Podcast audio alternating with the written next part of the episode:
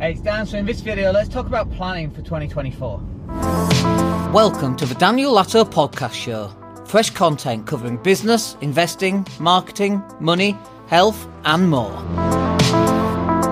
Hey, it's Dan. Hope you're well. So 2024. Uh, by the time you're watching this, we're probably already in it, uh, or we're very close to it.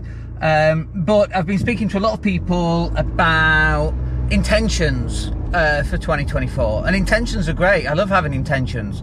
You know, I've got an intention to uh, have six pack abs, but it's not going to happen, is it? That's the thing about intentions, really. Chances are it's just an intention. It doesn't actually mean anything. It's got no substance to it. It's got no power, no volume, no weight to it. So intentions are great. Just whatever. I'm going to intend to be a billionaire with a, you know, 400 million dollar yacht. That's a wonderful intention. It's never going to happen. So we got to move away from just having intentions to actually having tasks and goals. And now suddenly they've got a bit more substance about them. Tasks. Task, you're physically going to do a task. Something that you have to go out and do physically. It's not just this pie in the sky, hoping for the best. It's a thing that you've got to go physically do. You've got a deadline. I'm going to do this task tomorrow at 6 pm for half an hour. That task is done. That's really solid. And that's really where your planning should be coming in. You've got to be having some solidity to what your intention is. And without that, just these intentions are just dreams, hopes. Uh, there's just no substance behind it. So when you're setting these intentions, first of all, let's change the wording to goals. Okay, I think that's a better, better idea. And a goal is a dream with a deadline, right? I'm sure you've heard that before. So a goal is okay by 2020. So by the end of 2020, my weight will be uh, under 70 kilos, for example.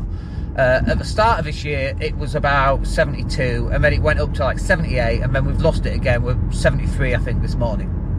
So, okay, so then what does that translate into? Okay, so it's a minimum CrossFit four four days a week, and also we're gonna um, we're gonna have a month on and a month off. So, you know, one month we're gonna uh, diet and do lots of cardio, and then the next month we'll probably carb up and we'll do lots of weight, and then the next month we'll cycle again. So we're going to cycle just to kind of accelerate some of the results that I'm after. So now we're putting some meat on those bones. It's not just an intention to be 70 under 70 kilos. It's like now we know we're going to work out four times a week. We know that we're going to cycle our carbs and cycle our dieting in order to hit those goals. So now we've got a bit more meat, and so that's really what really where you need to be in your in your goal setting and your intentions as well. It's not just enough to go, this is what I want to happen. You've got to have a plan behind what you want to happen so that you can actually make that work. And without that plan, you ain't really going to do it, I'm sorry to say. The chances are much slimmer that you're going to be able to perform and get the results that you want unless you have that specific plan. And also, this may be where you've been going wrong all along You've never really had this plan. And so you need to get that plan in place. It's just one of those things that needs to happen if you want to get those results and solidify those results. Anyway, we are at CrossFit, so we'll catch up with you in the next video. Hope you're well, hope you have a wicked day, and we'll speak to you soon. Take care.